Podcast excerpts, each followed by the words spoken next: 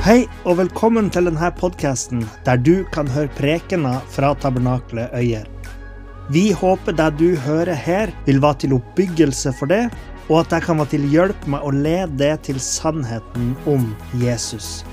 Hvis du ønsker å finne ut mer om oss, kan du gå inn på hjemmesida vår på tabernakletoyer.no.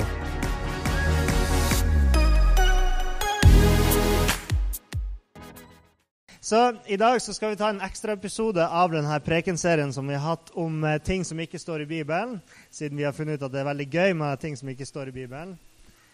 Eh, og I dag så, så er temaet eh, spedbarn, eller påstanden vi skal se på, er spedbarn skal døpes.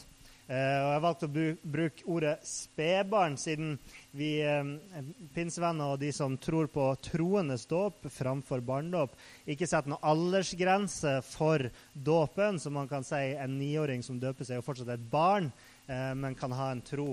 Så, eh, så vi, vi sier at spedbarn skal døpes, er påstanden vi skal se på. Og I denne serien så har vi jo sett på litt ulike spørsmål, både av en litt mer livsnær art og en mer, eh, en mer teologisk art eh, i noen av påstandene vi har sett på. Eh, men eh, i alle disse temaene så er det jo noe som berører oss nettopp både personlig og teologisk, både i forhold til vårt liv og vår lære. Eh, fordi de sier noe om hvilke forventninger vi bør ha Eh, til livet sammen med Jesus, og hvilken forståelse vi skal ha av hva Bibelen sier.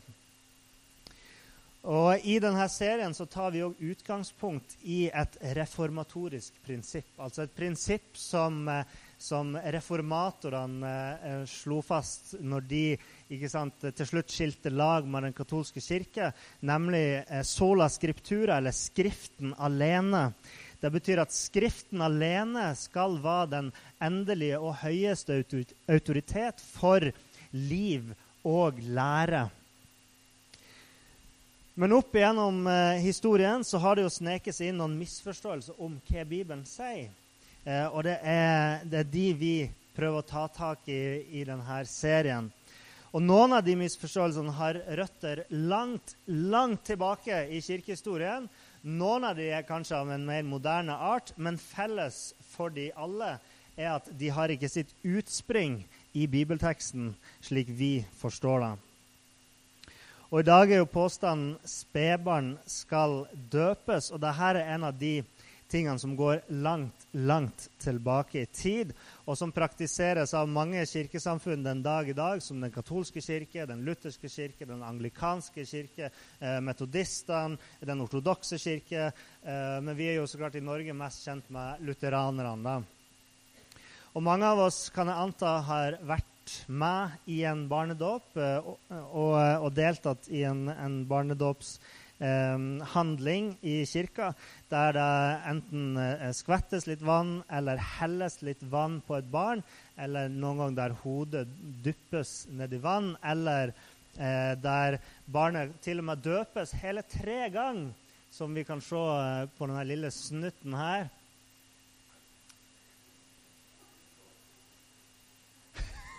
Det, hvis dere legger merke til de jentene bak der ta en gang, de jentene som står bak der, er jo livredde for det som foregår.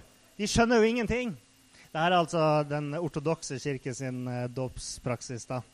Og, og, det er ganske litt, eh, jeg, får litt vondt i pappahjertet mitt eh, når jeg ser det. Og, og, ja. men uansett De viktigste argumentene for denne praksisen er det er tre argument vi skal se på i dag, og det er de viktigste. Eh, det er at eh, det har en, eh, en bakgrunn i en kirkelig tradisjon.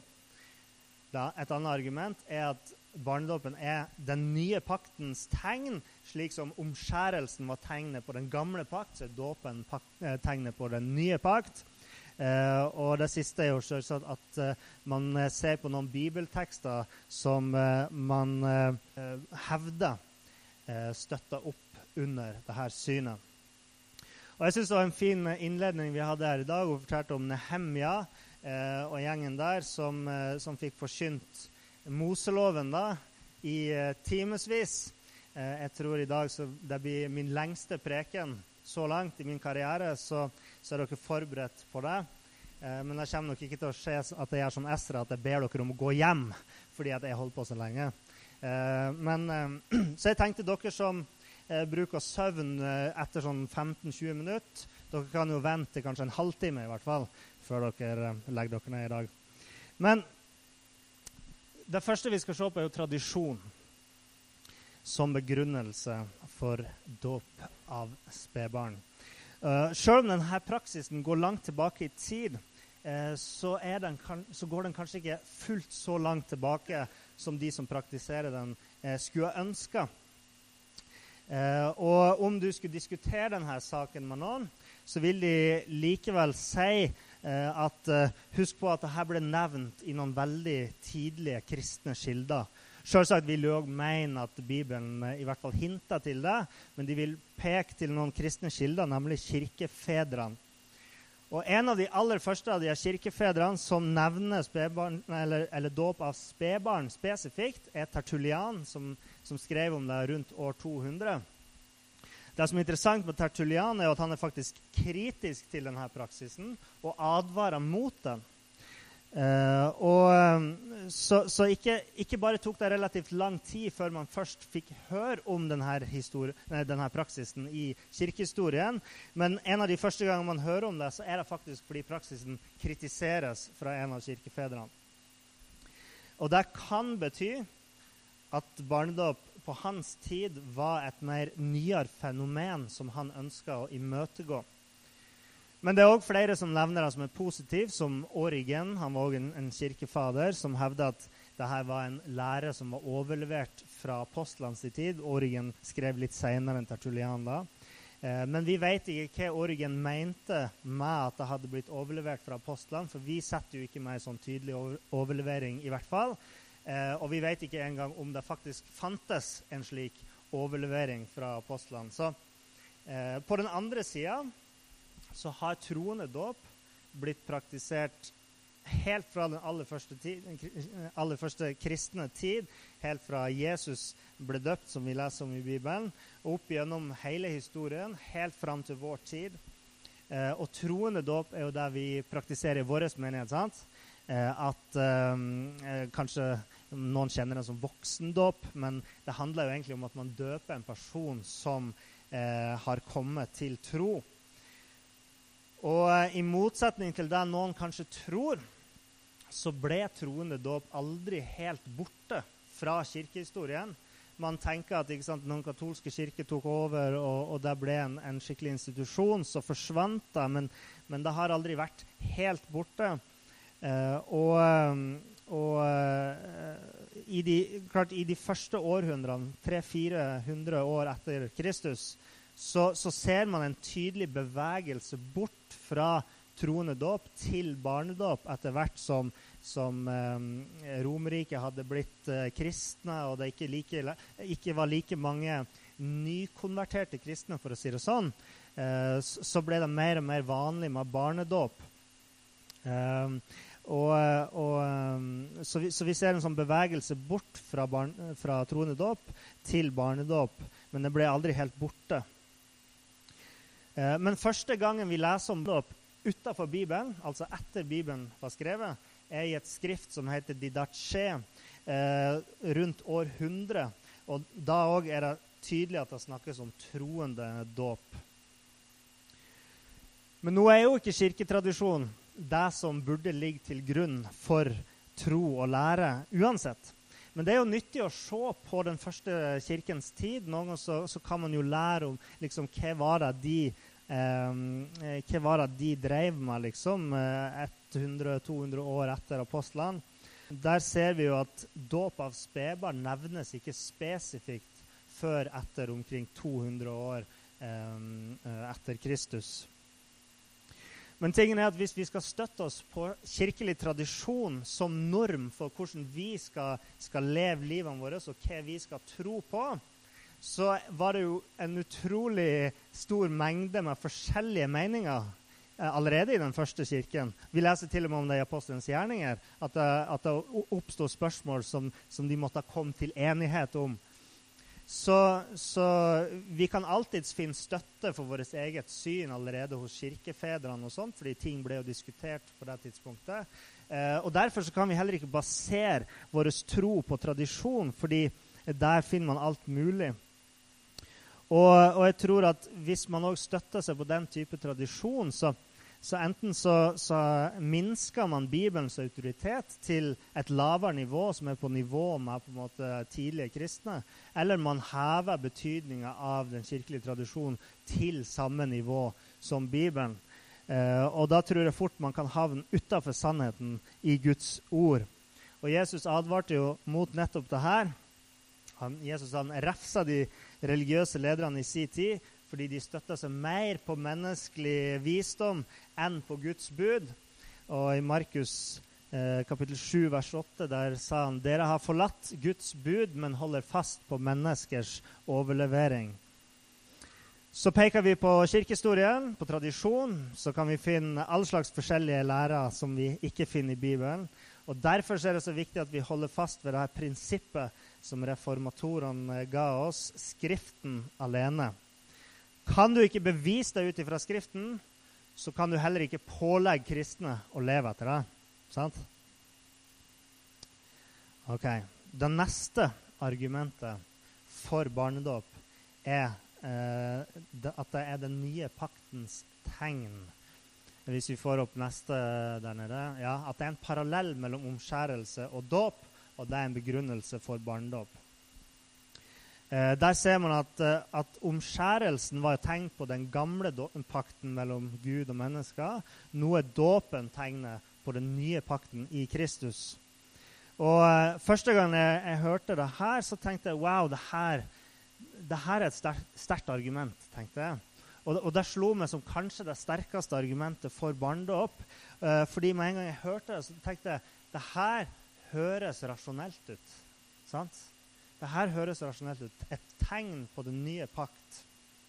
For jødene så var jo omskjærelsen et innvielsesritual som markerte at de var en del av Guds folk. sant? Eh, vi kjenner til den historien. Var, eh, med omskjærelsen så, så, et, eh, så, ble de en del av pakten mellom Gud og israelittene. Og dette skulle gjøres når ungen var åtte dager gammel, altså et spedbarn.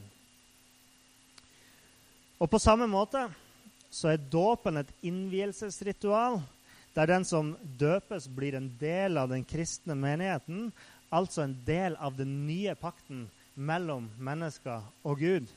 Det er jo en likhet der. Og fordi omskjærelsen blir utført på barn, hvorfor skal ikke dåpen utføres på barn? Det høres ikke helt halvgærent ut, sant?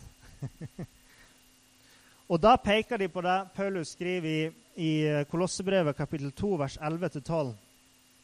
I ham, altså i Jesus, ble også dere omskåret, men ikke av menneskehender. Dere ble omskåret med Kristi omskjærelse da dere kledde av dere den kroppen som kjøttet har makten over. For i dåpen ble dere begravet med ham, og i den ble dere også reist opp med ham ved troen på Guds kraft, han som reiste Kristus opp fra de døde. Men problemet med å bruke denne teksten som støtte for akkurat dette her synet om uh, den parallellen mellom omskjærelse og dåp, er jo nettopp det som står i vers 12, som er årsaken til at disse menneskene hadde blitt døpt. Og det er jo nettopp ved troen på Guds kraft hadde de blitt døpt. Det markerer en tydelig forskjell mellom omskjærelse og dåp i de her versene. Det var ingen krav om at den som ble omskjært, skulle tro. Omskjærelsen var et, var et påbud til alle de fysiske etterkommerne av Abraham, som var den, Gud, eh, den personen Gud hadde inngått pakt med. Eh, og alle som ble omskjært, de måtte omskjæres om de ville det eller ei, og om de trodde eller ei. Så det var helt uavhengig av tro. Det spilte heller ingen rolle egentlig om foreldrene var trofast til Guds bud.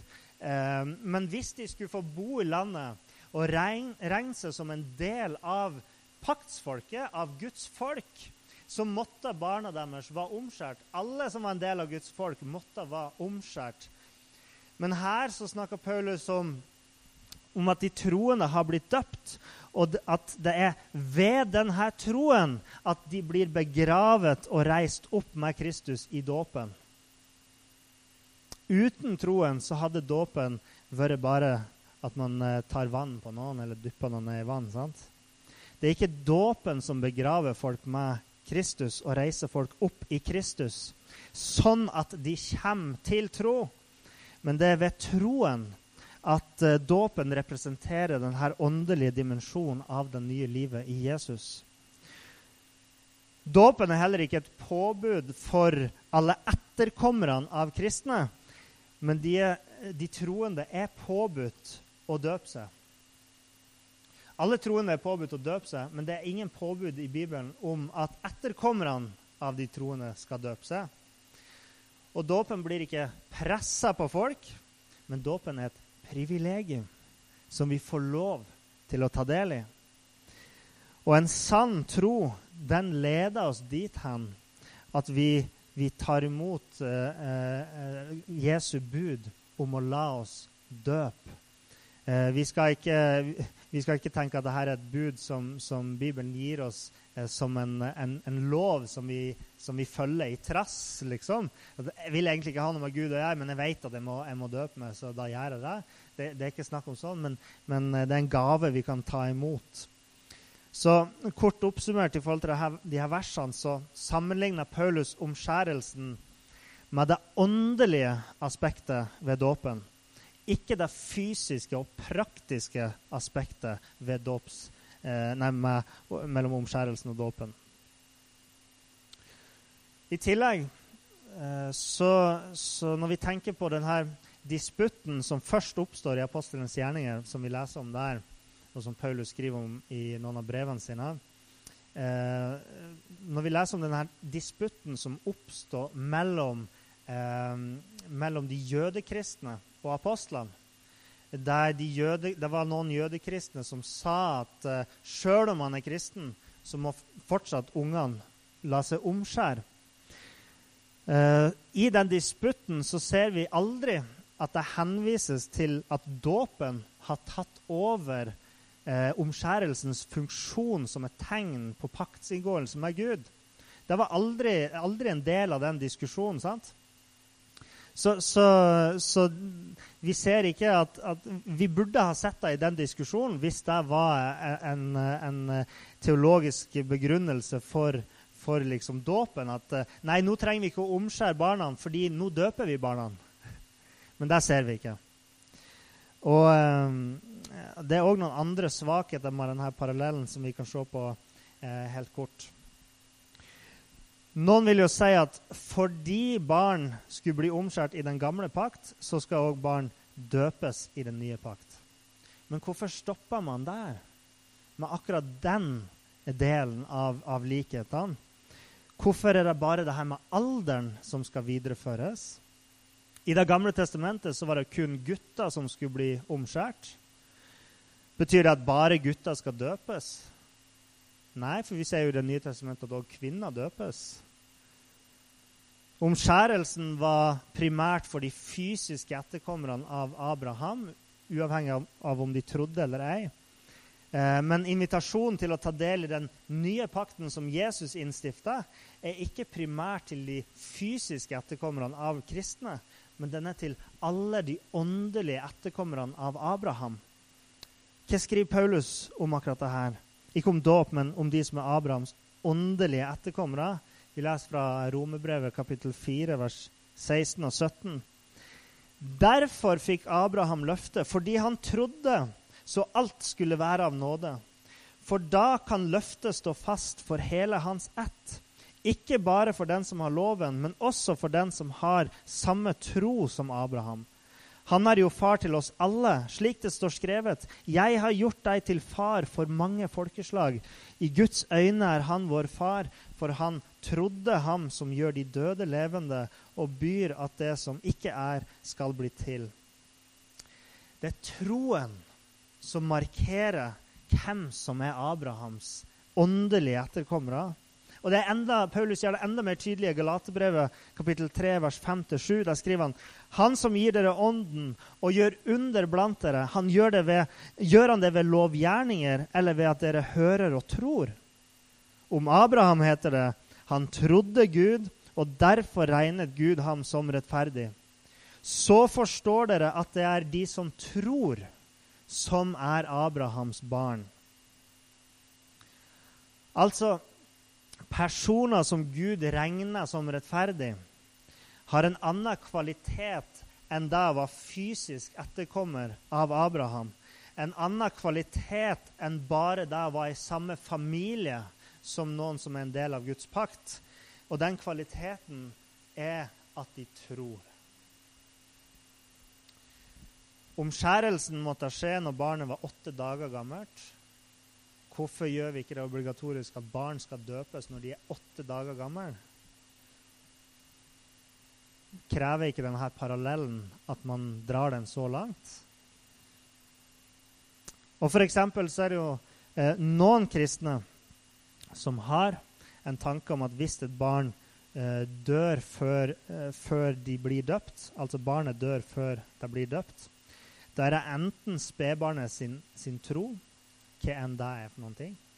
Eller foreldrene sin tro, eller foreldrene sine bønner, eller menigheten sin tro, eller menigheten sine bønner, som gjør at barnet blir frelst uansett. Uavhengig av dåpen. Alle barn må døpes, sier de. Men om de ikke døpes, så er det en sjanse for at de kommer til himmelen uansett, for å si det på en enkel måte. Men jeg skjønner ikke hvorfor ikke man drar denne parallellen helt ut i dette tilfellet òg. Ehm, hvis vi leser om, om, hva Gud sa til Abraham om omskjærelsen i 1. Mosebok 17,4, at hvis en mann som ikke har fått forhuden omskåret, en slik skal støtes ut fra folket sitt, for han har brutt min pakt. Der praktiserer man ikke. Så man drar ikke den parallellen. I hvert fall ikke i dag. Så, så der dere ser at det dukker opp en del vanskelige og ubesvarte spørsmål og litt merkelige spørsmål i denne sammenhengen. Og én ting er jo det å se på omskjærelsen som tegner på den gamle pakt, og dåpen som er tegn på den nye pakt. Men når man begynner å, å, dra såpass detaljerte og praktiske paralleller mellom de to, eh, så dukker det opp noen andre utfordringer som i hvert fall jeg ikke vet helt hvordan man skal løse eh, hvis man skal argumentere konsekvent for denne parallellen, og at, at man skal følge eh, i, i, forhold til dåpen. Og Samtidig så ser vi at Jesus han innstifta nattverden, og da sa Jesus at dette er tegnet på den nye pakt. Og ironisk nok, i den katolske kirke, der de døper barn, så lar de ikke barn gå til nattverd før de er sju år gamle. Men hvis det er tegnet på den nye pakt, så bør jo spedbarn gå til nattverd når de er åtte dager gamle, som med omskjærelsen. sant? Så, så, det er åpenbart noen ubesvarte spørsmål, eh, så vidt jeg kan se. Og, og, jeg kan heller ikke se at Bibelen går så langt med tanke på å bruke denne parallellen mellom omskjærelsen og dåpen som det noen gjør som tror på barnedåp. Og Derfor så mener jeg at det er rasjonelt å, å ikke bruke dette som en begrunnelse for barnedåp. Jeg tror det finnes bedre argument for barnedåp enn det her, etter jeg har satt meg litt inn i det. Men jeg er jo fortsatt ikke overbevist om at barnedåp eh, er rett. Fordi eh, i forhold til dette synet med parallellen mellom omskjærelse og dåp, så ser det for meg ut som at det er noen eh, uløste interne konflikter i det synet som, eh, som drar denne parallellen lenger enn det Guds ord gjør. Så, så Paulus han, han, sier at her er det en slags parallell, en åndelig likhet mellom paktstegn i den gamle pakt, paktstegn i den nye dåp. Men eh, det som kvalifiserer for å ta del i den nye pakt, er troen, ikke dåpen. Så skal vi se på noen bibeltekster som begrunnelse for at barn skal døpes. Eh, og det er den siste Dere husker jeg sa det var tre hovedlinja med argumentasjon. Det var det med tradisjon, det med eh, omskjærelsen, og så er det det med bibeltekster. Og, og, mange som praktiserer barnedåp, de vil peke på lite knippe med bibeltekster som de mener beviser at denne praksisen er bibelsk. Og det er, ikke, det er ikke noe gærent med å bare peke til et lite knippe bibelvers, fordi noen ganger er det alt vi har å gå på i noen spørsmål. Um, men uh, men da må, jo, da må jo bibelversene være solide, tenker jeg. Så mange, mange, som uh, praktiserer barndom, de vil uh, oss til, henvise oss til noen tekster som snakker om at en hel familie eller et helt hus ble døpt. Altså en hel, hel husholdning med folk ble døpt. Og Argumentet er jo da at hvis hele familien eller hele husholdninga ble døpt, så må det jo òg innebære spedbarn.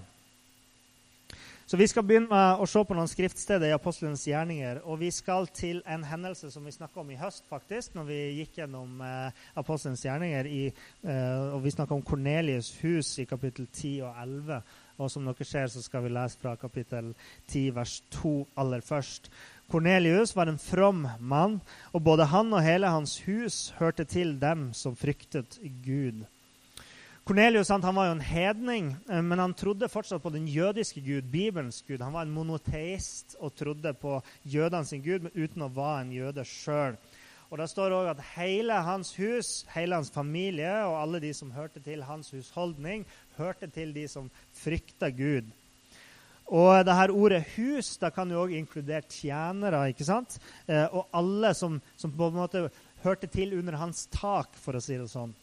Og siden Kornelius var en romer, så er det rasjonelt å tro at han òg, som romere flest, anså sin husholdning for å være mer enn bare kjernefamilien. Altså, I dag så tenker vi jo altså, familien. Et hus er jo to voksne, to, tre, fire, fem barn. ikke sant? Kjernefamilien. det er, Men her så, så, var det jo ikke sant, eh, besteforeldre, tjenere, alle som hørte til der, gårds, gårdsarbeidere og sånt.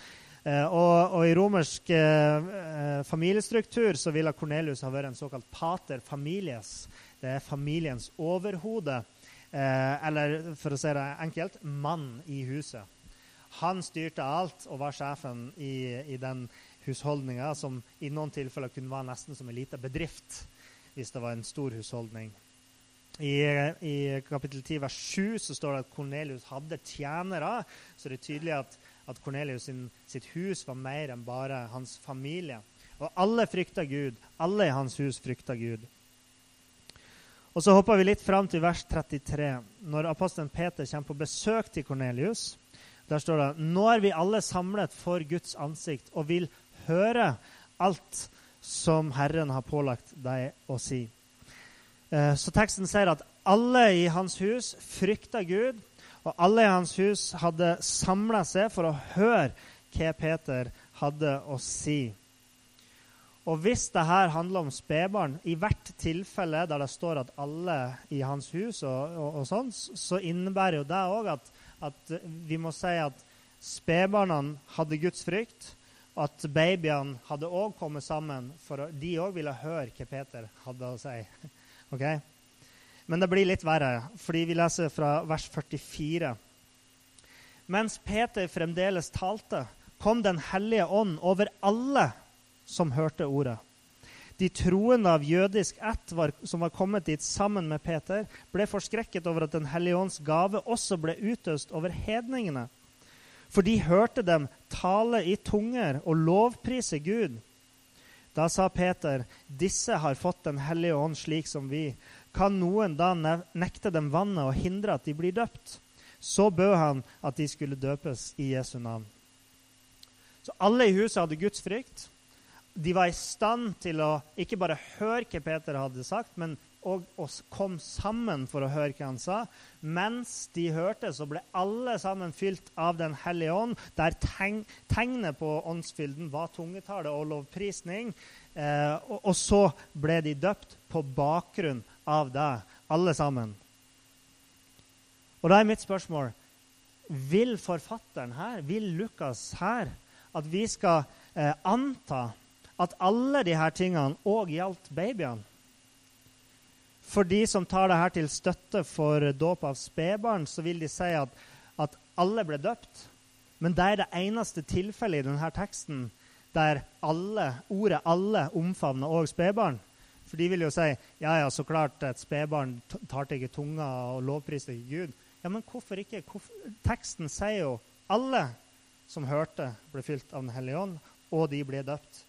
Så, så at babyene, mens de hørte på Peter, eh, ble fylt av ånden og tar det i tunga, eh, er jo litt vanskelig for meg å svelge. Og da tenker jeg at eh, det her høres ikke ut som en rimelig antakelse at, at det her gjelder spedbarn. Og Derfor så tror jeg vi står overfor to alternativ. Enten så var det ingen spedbarn til stede, og det er jo mulig. Eller så er det implisitt fra forfatterens side at uh, denne teksten handler ikke om spedbarn. Den utelater spedbarn i alle tilfeller der, der, det er snakk om, om alle eller hele hans hus. Uh, at, at, han rett og slett har ignorert det i denne sammenhengen fordi det er så selvsagt at vi forstår at spedbarn var ikke inkludert i denne gjengen som opplevde, som hørte, som uh, ga uttrykk for tro. Uh, og Det er jo slett heller ikke umulig med det andre alternativet, at det ikke var noen spedbarn til stede. Uh, det er jo ikke lite sannsynlig å tenke at, at Cornelius sitt hus ikke nødvendigvis hadde spedbarn. Eller så tenker jeg, i hvert fall for min del, så må man kunne legge fram noen gode bevis for at Cornelius sitt hus hadde spedbarn. Eller legge fram noen gode bevis for at det var ekstremt lite sannsynlig at ei husholdning hadde spedbarn i seg på den tida. Men det tror jeg ikke man er i stand til. Så derfor så tror jeg et av de her siste alternativene er bedre enn å tro at spedbarn ble døpt. Så jeg tror ikke denne teksten snakker om dåp av spedbarn. Den neste teksten eh, finner vi i kapittel 16 i Apostlenes gjerninger. Den handler om ei som heter Lydia, som kom fra Tyatira. Eh, vi leser om henne fra vers 14 i kapittel 16. Og etter å ha hørt på, på Paulus og Silas og sannsynligvis òg Lukas, som var med de, på dette tidspunktet, eh, så, så, ble hjertet til Lydia åpna, og hun tok imot det Paulus sa. Og, og nå er det påpekt to detaljer om Lydia i denne sammenhengen som jeg tror er viktig. For det første så var hun fra en by som heter Tyatira. Eh, på dette tidspunktet så befant hun seg der Paulus og Silas og Lukas var, nemlig i Filippi. Tyatira var en by som eh, lå i dagens Tyrkia, mens Filippi er i dagens Hellas. Eh, for det andre så var hun ei handelskvinne som handla i purpurtøy. Og denne byen Tyatira som hun kom ifra, den var kjent for farging og nærmere bestemt så var den kjent for farging av indigo, altså purpur, en, en form for lilla. Så, så, hun kom altså ifra en by som drev med farging av tøy og andre ting i purpur. Hadde, hadde kommet seg til Filippi og drev handel med de her varene. ikke sant? Og hvorfor er det eh, viktig? Jo, fordi det er høy sannsynlighet for at Lydia var en omreisende handelskvinne som brakte med seg purpurtøy fra Tiatira i Tyrkia, sånn at hun bare oppholdt seg i Filippi i perioder. Sant? Hun hadde med seg et lass sikkert med purpurtøy og, og holdt på i Filippi og solgte unna det hun hadde. Så la oss ha det i bakhodet. Og så leser vi vers 15. Sammen med alle i sitt hus ble hun døpt. Igjen, her skal vi bare anta at det òg gjelder spedbarn, eh, siden alle i hennes hus ble døpt. Men la oss, la oss huske at det er, ikke, det er ikke sannsynlig at dette var Lydia sitt permanente hjem. Bl.a. fordi hun var omreisende handelskvinne. sant? Eh, men det her var kanskje mer sannsynlig, i hvert fall så vidt jeg kan se, eh, et, et, midlertidig hjem der hun kanskje bodde sammen med tjenerne sine eller andre familiemedlemmer som òg var ute og reiste for å drive med handel sammen med henne, og andre kollegaer, partnere eller andre som hun, hun drev handel med. Eh, og Da gjør det jo desto mindre sannsynlig å tenke at det fantes spedbarn til stede i dette huset. Men det er òg noen andre alternativ som er sannsynlige. Hennes mann nevnes ikke. Det er veldig uvanlig i en sånn her sammenheng, fordi det står hele hennes hus ble døpt. Og da er det veldig uvanlig at man utelater hennes mann, som, som i den kulturen ville vært hennes overhode, og burde egentlig nevnes til og med før hennes navn i setninga. Så, eh, så, så det ville vært veldig rart at hennes mann ikke nevnes, hvis hun hadde en. Samtidig så, så, er det veldig rart at, at hele huset ble døpt bare fordi kona til en handelsmann ble døpt.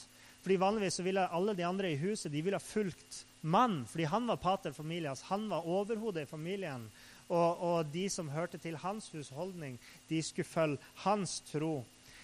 Og Derfor er det andre alternativ igjen som er mer sannsynlig eh, enn at hun eh, hadde spedbarn der. Men f.eks. at hun var ugift, siden mannen ikke nevnes i denne teksten. Kanskje hun hadde hengitt seg helt til, eh, til, jobben sin. Og dermed at hun kanskje var barnløs, rett og slett. Eh, eller at hun var ei enke, at mannen hennes var død. Eh, og i så tilfelle så kunne, kunne jo ungene hennes godt ha vært i moden alder. sant? Så med alle de her alternativene så er det veldig mye å anta, tror jeg, mener jeg, at det er snakk om dåp av spedbarn. Spesielt hvis man har tenkt å liksom gjøre gjør dåp av spedbarn til en sånn institusjonalisert praksis som er obligatorisk for alle troende, basert på bare en antagelse om denne teksten, eh, når teksten kanskje ikke gir oss, eh, gir oss den, den, eh, veldig sannsynlig en måte et veldig sannsynlig alternativ til at det var spedbarn til stede.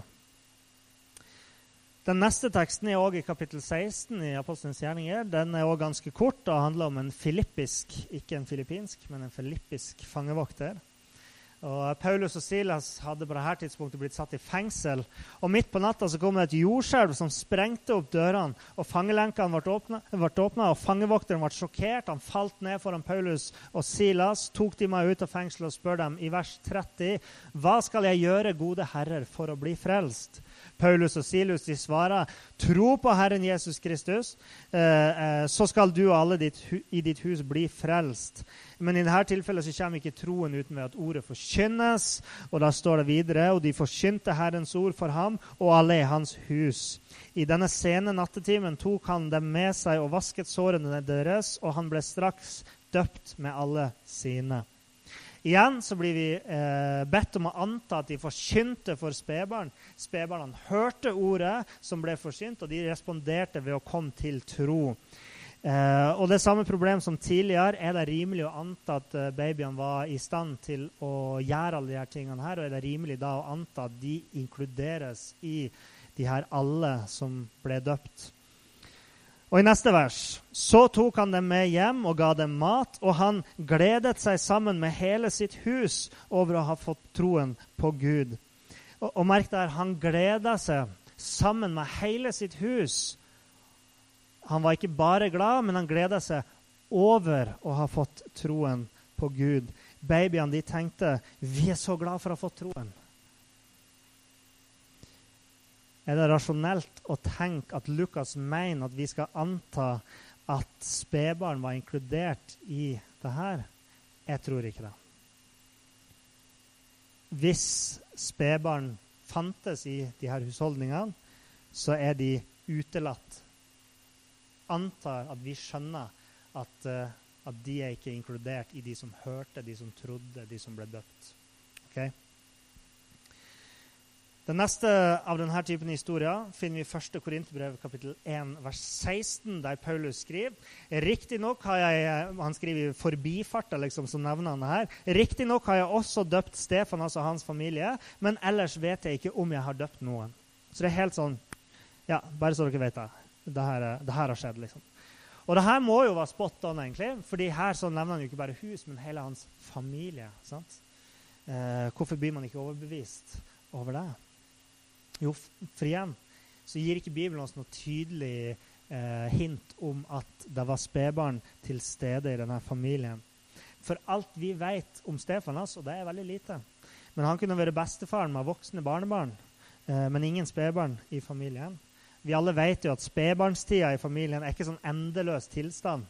Eh, der man alltid har spedbarn til stede i huset, hvis man ikke får sånn 15-16-17 barn. da.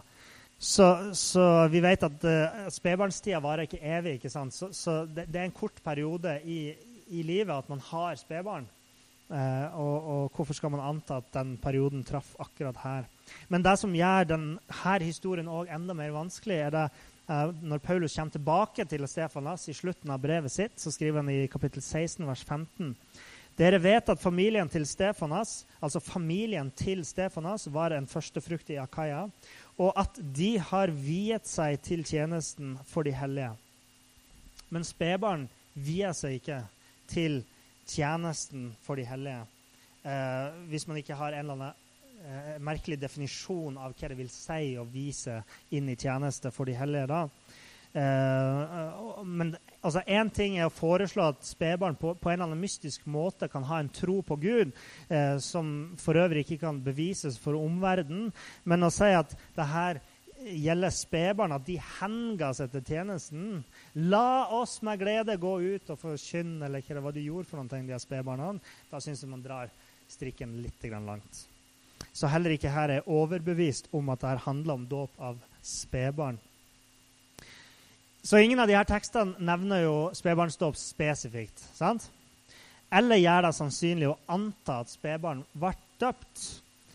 Eh, det er òg noen andre tekster om at hele familie eller hus kom til tro, men da er det nettopp ordet 'tro' som er nøkkelen. Hvis man kan tro, så tenker jeg at man òg må kunne avvise troen. Eh, og jeg tror ikke den evnen ligger hos barn. Eh, og i tillegg, hvis man tror at spedbarn kan ha tro, så må man òg kunne legge fram en god redegjørelse for hvorfor og hvordan det er mulig. Eh, og, og, da må man òg definere tro på en måte som gjør det mulig å si at et spedbarn har tro, men at troen ikke defineres som en blind tro eller en irrasjonell tro, Ehm, eller, eller, ehm, eh, eller at troen bare er en slags tilstand man befinner seg i. Eh, fordi jeg tenkte at tro det er at vi setter vår fulle tillit til Gud. Eh, og at det er den bibelske definisjonen på tro. Men det kan jo være at man har hørt de her eksemplene, og så tenker man fortsatt Kan hende du tenker fortsatt det. Jeg har ikke overbevist deg ennå. Så tenker du det er jo fortsatt en liten sjanse for at i et av de her tilfellene så var det et barn et spedbarn til stede, at uh, spedbarn var inkludert, liksom. Det, det, er fortsatt en mulighet, fordi Bibelen har ikke spesifikt sagt at spedbarn ikke var der.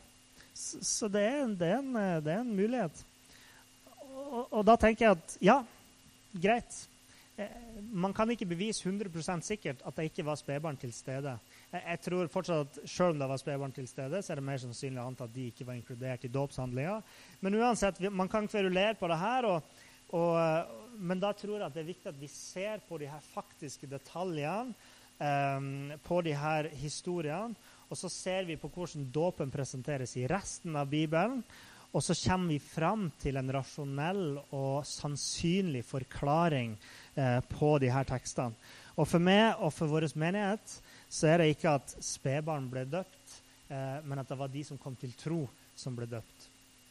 Men hvis du ønsker at tvihold på muligheten for at spedbarn var inkludert, så tenker jeg at du bør fortsatt eh, Da bør du samtidig vurdere om du mener at de her tekstene eh, gir deg så god grunn til å tro på dåp av barn at du kan basere hele ditt dåpssyn og hele kirkens dåpssyn på de her tekstene når det aldri vil være mer enn en vag antagelse.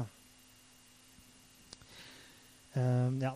Men hvis dere finner et spedbarn uh, som lovpriser Gud, tar det i tunga og bekjenner sin tro på Gud, så skal jeg vurdere å døpe barna. Altså. Uh, bare så det er sagt. Men det er òg noen andre vers som pekes på i denne sammenhengen når det gjelder barndåp. Og som egentlig ikke handler om dåp i det hele tatt, men vi skal se på noen av de allikevel. ok? Er dere våkne fortsatt? Greier dere å henge med? liksom? Vi kan ta en femminutters pause. Eller, eller kan, hvis det er noen som har dødd av, så kan det begynne på nytt. Hvis det er noen som vil det. ok, vi, vi, vi, bare pløyer igjennom. Første Korinterbrev, kapittel 7, vers 13-14. Og dersom en kvinne har en ikke-troende mann, og han gjerne vil bli hos henne, skal hun ikke skille seg fra mannen. Eh, for den ikke-troende mannen blir regnet som hellig pga. sin kone, og den ikke-troende kvinnen blir regnet som hellig fordi mannen er en troende bror. Ellers ville jo barna deres være urene, men nå er de hellige. Dette handler jo, som vi ser, ikke om dåp, eh, men, men, noen peker på dette skriftstedet som et bevis på at barn faktisk rettferdiggjøres eller helliggjøres på bakgrunn av sine foreldre sin tro. Eh, på samme måte som en troende helliggjøres eller rettferdiggjøres når en person kommer til tro på Kristus. Okay? Og Egentlig så trenger vi ikke å gå så veldig dypt inn i, i misforståelsen rundt ordet hellighet i denne sam sammenhengen. For det holder jo egentlig med å si da at eh, på samme måte som en ikke-troende mann ikke blir frelst fordi han gifter seg med en kristen, sant? Eh, eller en ikke-troende kvinne blir ikke frelst fordi gifter, nei, hun gifter seg med en kristen mann, så blir heller ikke et barn frelst fordi det har kristne foreldre, eller en mor eller en far som tror. Ektefellen er ikke veien til evig liv. Jesus er veien til evig liv. Så poenget her er ikke at familien automatisk blir frelst fordi én i husholdninga er, er, kristen, men at den kristne, den kristne, altså den troende mora eller den troende faren i familien, blir en velsignelse for resten av familien ved sine bønner, ved sin trofasthet til Gud, eh, og, og, og, kan på den måten òg ende med å lede resten av sin familie til tro på Jesus. Så, så på den måten blir de helliget, helliget. Altså familien har en åndelig fordel ved å ha en troende iblant seg. sant? Og, og jeg vet om eksempel på familier der hele familien har blitt frelst fordi en av dem hadde tro. ikke sant? Så det, det er en, en, en, slags hellighet i deg i en familie som har en troende i seg. Og når vi da snakker om dåp, på samme måte som eh, vi ikke døper ektemann på bakgrunn av kona sin tro Det har jeg aldri vært borte, i hvert fall. Eh, så døper vi heller ikke barn på bakgrunn av sine foreldre sin tro. Et annet skriftsted er Apostelens gjerninger eh, kapittel 2, vers 38-39, noen kjente vers der eh, Peter avslutta preken sin eh, på pinsedag. Peter svarte dem, 'Vend om og la dere døpe i Jesu Kristi navn, hver og en av dere, så dere kan få tilgivelse for syndene, og dere skal få Den hellige ånds gave.' For løftet gjelder dere og barna deres og alle som er langt borte, så mange som Herren, vår Gud, kaller på. Og så vidt jeg vet, så er jo alle mennesker kalt til, til å ta del i dette løftet. Men fordi at Paulus her nevner barna deres, løftet gjelder barna deres, så brukes det som et argument for barndom. Men, men denne, typen, denne måten å snakke på som, som Peter gjør her, er veldig vanlig som bibelsk eh, eh, måte å, å, uttale seg på. At det gjelder ikke på en måte fysisk barn, men det gjelder etterkommere etterkommere. Ikke spedbarn, men etterkommere. Så, eh, så Peter snakker ikke om de som er barn, men han snakker om at løftet gjelder for, for dere. Og alle som kommer etter dere, som vender om, som tror på Jesus, og som døper seg i hans navn. Uh, og Paulus han understreker det her med at løftet gjelder for alle mennesker f.eks. i eh, talen sin på Areopagos i Aten i Apostelens gjerninger 1730. Nå befaler han alle mennesker, hvor enn de er, at de må vende om. Uh, videre er det et kjent skriftsted i Lukas kapittel 18, vers 15. De bar også spedbarna til Jesus for at han skulle røre ved dem. Da disiplene så det, ville de vise dem bort. Men Jesus kalte dem til seg og sa, La de små barna komme til meg, og hindre dem ikke, for Guds rike tilhører slike som dem. Sannelig, jeg sier dere, den som ikke tar imot Guds rike slik som et lite barn, skal ikke komme inn i det.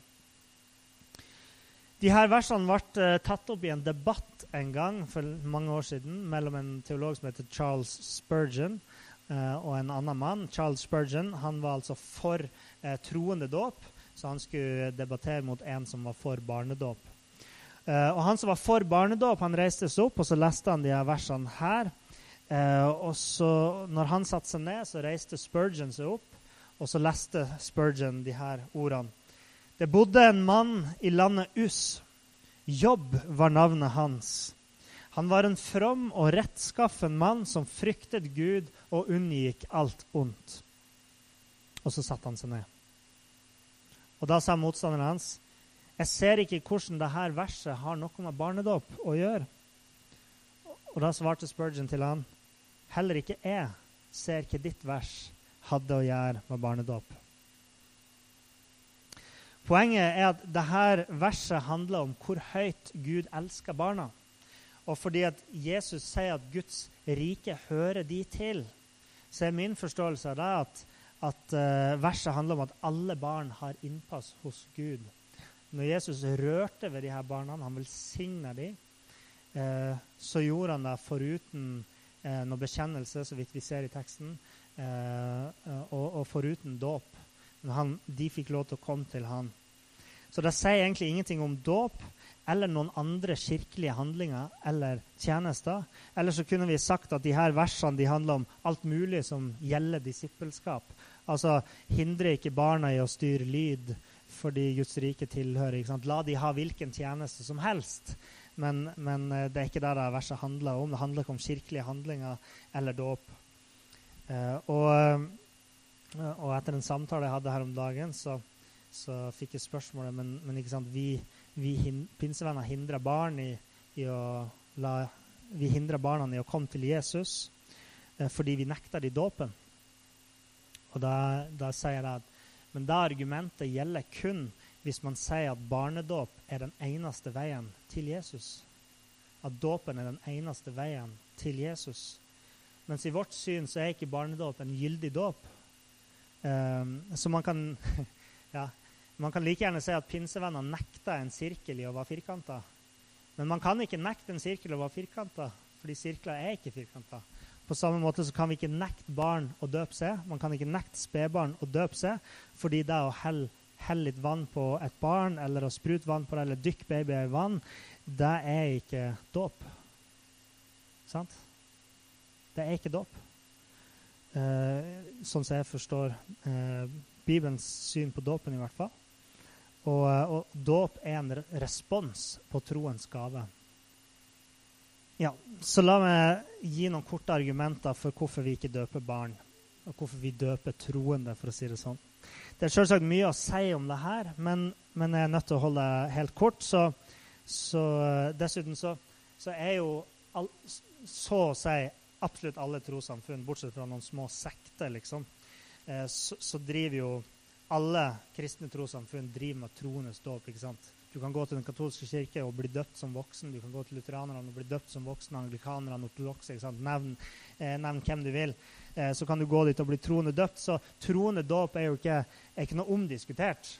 Så, så, det er ikke viktig å legge en sånn kjempelang sak for det. Men når det kommer til dåp, så ser vi at mønsteret i Bibelen er at ordet forkynnes Folk tar imot ordet ved å tro på evangeliet om Jesus, som er ordet, og deretter så døpes de. Jesus han sa, 'Jeg har fått all makt på himmel og på jord.' Gå derfor og gjør alle folkeslag til disipler. Døp dem til Faderens og Sønnens og Den hellige ånds navn, og lær dem å holde alt det jeg har befalt dere. Å bli en disippel som jeg forstår det, er jo å være og følge Jesus. Eh, så gjør folk til, til disipler innforstått i det, er at vi skal forkynne ordet til omvendelse. Eh, vi forkynner ordet sånn at mennesker vil følge Jesus. Deretter døp de. Deretter underviste de om alt det andre som har med troa å gjøre. Altså først tro, deretter dåp. Peter sa helt enkelt, 'Vend om, la dere døpe'. Først omvendelse, deretter dåp. Og i alle andre tilfellene vi har sett på, ja, i alle andre tilfellene vi kan finne i Bibelen, så er dåp en respons på troen. Dåpen kommer aldri forut for troen. Vi ser at åndsdåp går forut vanndåp. I Kornelius sitt hus så blir de fylt av Den hellige ånd, og Peter sier de har fått Den hellige ånd på samme måte som vi. Og hvis Peter var åndsdøpt, så betyr det at de òg var åndsdøpt. Så der kom forut vanndåpen. De hadde fullstendig kontakt med Gud før dåpen. De hadde troen, de hadde åndsdåpen, og så ble de døpt i vann. Uh, og Bibelen fremstiller det her mønsteret. Omvendelse, tro dåp. Hvordan kan et spedbarn velge å tro på evangeliet? Hvordan kan et spedbarn vende om og tro på evangeliet? Så vidt vi kan se, så finnes det ikke et eneste eksempel på eh, dåp av spedbarn. Og det finnes ingen påbud om at spedbarn skal døpes. Og I tillegg så er barnedåp såpass forskjellig fra troendes dåp at, at, jeg tenker at det krever en, en, spesiell begrunnelse for å gjøre det. Fordi troende dåp er veldig tydelig for oss. Vi vet hva det handler om. Ok, Du tror, du døpes. Men barnedåp er veldig forskjellig, så vi bør ha en god grunn for å gjøre det. Dåpen er et ytre tegn på at du blir en del av Guds nye pakt ved at dåpen fungerer som en bekjennelse av din tro på Gud Fader, Guds Sønn og Gud den hellige ånd. Som et tegn på din begravelse og renselse i Kristus og din oppstandelse til et nytt liv i Han. Det er dåpen. Men før vi avslutter helt, så vil jeg si noen ting til slutt. Eh, jeg har kjent og kjenner og og vet om mange gode kristne, forbilledlige kristne, som har en ektefølt tro på Jesus, eh, som, som er overbevist om er kristne. De lever tett på Gud. Det finnes mange barnedøpte som Altså, vi står på skuldrene til mange som har vært barnedøpt. Sant? Og, eh, og, jeg tror ikke at dette er et punkt som skal skille troende døpte og barnedøpte i så stor grad at vi ikke kan ha fellesskap som troende. Men noen ganger så har det ført til en så eh, radikal splittelse at vi ikke kan ha fellesskap engang. Uh, noen vil kanskje i denne forsamlinga til og med, det vet jeg ikke, men, men noen vil fortsatt gå så langt i å si at er du ikke troende døpt, så er du ikke en kristen. Og, og, jeg går ikke så langt, og det er nettopp fordi at jeg tror ikke man blir frelst ved dåpen, men ved troen. Og på den andre sida så vil jeg alltid anbefale at en som er såkalt barnedøpt, døper seg i tråd med den forståelsen som Bibelen gir tydelig uttrykk for er den riktige omvendelse, tro og dåp. Jeg vil alltid si det. Er du barndøpt, jeg anbefaler døp deg på bakgrunn av din tro og bekjennelse. Og jeg tror ikke at dåp av spedbarn er dåp, til tross for at jeg vet at det så ofte er gjort til den aller beste hensikt fra foreldrenes side. De ønsker bare å velsigne barnet. De vil bare det beste for barnet. Tenk på evigheten til dette barnet. Eh, og, og, og, jeg tror fortsatt ikke at spedbarnsdåp er dåp, eh, sjøl om man, man, med den største overbevisning holder fast ved den barnedåpen. Men jeg mener likevel at du kan være uenig med meg i dette punktet og likevel kalle deg en kristen. Eh, du kan være uenig med vår menighet og, og, og fortsatt ha et, en relasjon til Gud. Og, og jeg håper at vi kan fortsette å behandle hverandre som søsken i troen på Jesus, eh, til tross for at kanskje noen av oss eh, eh er veldig negative til de som er barndøpt. Det vet jeg ikke. Eh, og til tross for at de som er barndøpt, kanskje ser på oss som vranglærende gjendøpere.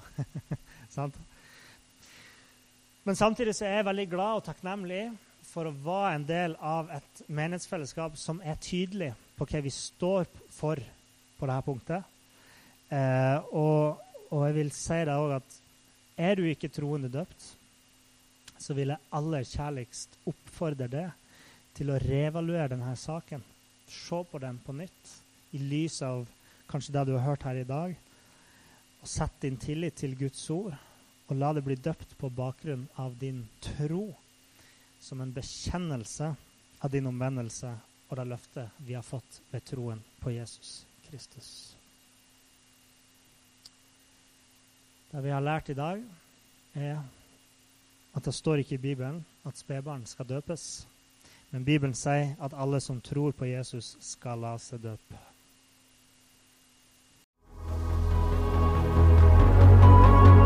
Takk for at du hørte på.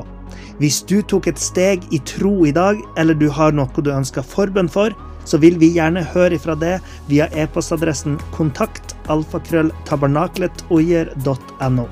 Du er òg velkommen til våre ukentlige gudstjenester i menighetslokalet i Haugskutua 5 26 36 Øyer.